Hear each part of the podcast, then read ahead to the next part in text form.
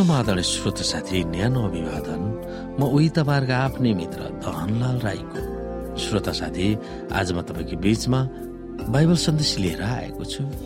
आजको बाइबल सन्देशको शीर्षक रहेको छ साना भन्दा पनि साना मेरा यी भाइ बहिनीहरूलाई भन्ने बाइबल सन्देशको उपसंहार।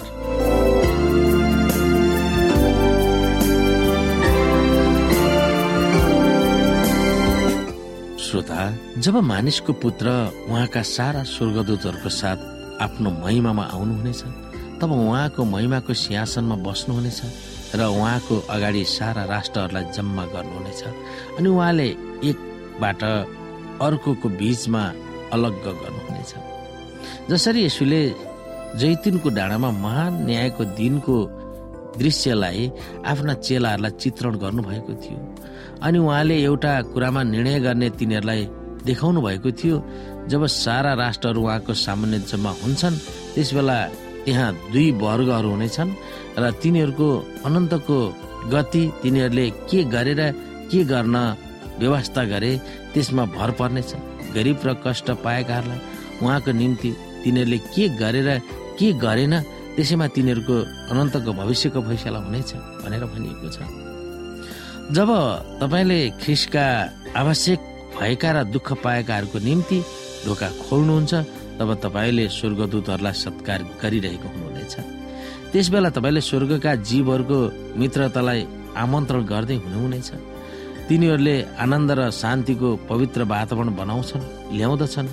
तिनीहरू तिनीहरूको ओठहरूमा प्रशंसाको गीत गाउँदै आउनेछन् जसको ताल स्वर्गसम्म पुग्दछ। दया र करुणाको प्रत्येक कामले स्वर्गमा सङ्गीत बनिन्छ। उहाँको बहुमूल्य दाँतहरूको बीचमा भएको निस्वार्थ सेवकहरूको निम्ति परमेश्वर पिताको सिंहासनबाट गरिनेछ। देशबाट गरिबहरू कहिले पनि हट्ने छैनन्। जो हजारौँ वर्ष अघि गरिएको भविष्यवाणी अहिले पनि पुरा भइरहेको छ। यसलाई हामीले कसरी बुझ्न सक्छौँ? कतिले यी शब्दहरूलाई नै बहाना बनाएर गरिबहरूप्रति यसरी आँखा चिम्लेको पाइन्छ। गरिबहरू हाम्रो बीचमा सधैँ हुनेछ भनेर परमेश्वरले नै भन्नुभएको छ। त्यसकारण हामीले के गर्न सक्छौँ? यस्तो धारणा किन गलत छ? त्यो विषयमा हामी बुझ्न सक्छौँ। हामीले यहाँ एक तिमती छ अध्यायको सत्रदेखि उन्नाइसमा हेऱ्यौँ भने यस संसारमा यस संसारका धनीहरूलाई घमण्डी नहुने आज्ञा देऊ र अनिश्चित सम्पत्तिमा होइन तर हामीलाई हरेक थोक प्रशस्तसँग उपभोग गर्न दिनुहुने परमेश्वरमाथि तिनीहरूले आशा राखुन् तिनीहरूले असल कार्य गरून् र असल कामहरूमा धनी उदार चित्त र दान दानी हो यसरी आफ्नै लागि भविष्यको असल जग बसाल्न सकुन् ताकि तिनीहरूले त्यो जीवन पक्रिराखुन् जो साँच्चै नै जीवन हो। यसमा एउटा कुरामा सतर्क गराइएको छ। आफ्नै धन सम्पत्तिमा भरोसा राख्नु भनेको जीवित परमेश्वरको विरुद्धमा जानु हो पैसा हुने धेरैले यो बाटोमा जानु किन सजिलो छ? अन्तमा आएर तिनीहरूलाई पैसाले जीवित राख्न सक्दैन भनेर थाहा पाए तापनि जीवित परमेश्वर बाहेक अरू थोकमाथि भरोसा नराख्न हामी कसरी होसियारी हुन सक्छौँ? त्यो विषयमा हामी सोच्न सक्छौँ। हामीलाई थाहा छ श्रोता अन्तको दिनसम्म पनि यस संसारमा गरिबहरू रहनेछन् अनाथहरू रहनेछन् असहायहरू हुनेछन्। हामीले तिनीहरूलाई कस्तो व्यवहार गर्छौँ हामीले अगाडि हेरौँ? कि हामीले जुन रूपमा उनीहरूलाई व्यवहार गर्छौँ त्यही चरित्र त्यही व्यवहार लिएर हामी परमेश्वरको अगाडि जान्छौँ? परमेश्वरले भन्नुभएको कुरालाई हामी त्यतिखेर विचार गर्न सक्छौँ कि ए मेरा मानिसहरू हो तिमीहरूले म संसारमा हुँदाखेरि मलाई खुवायौ पियायौ म झ्यालखानामा थिएँ मलाई भेट्न आयो। तिमीहरू यो बाटो भएर स्वर्गसम्म जान सक्नेछौ।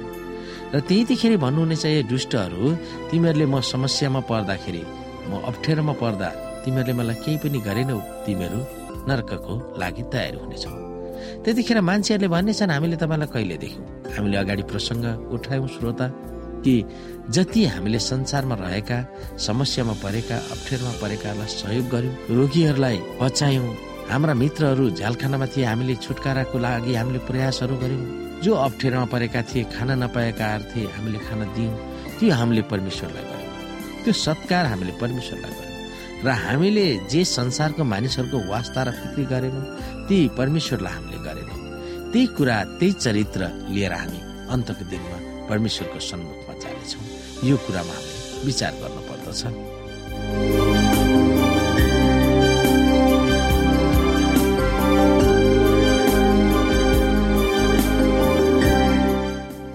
विद्यार्थी आजको लागि बाइबल सन्देश दिने हस्त नमस्ते। जय मसिंह।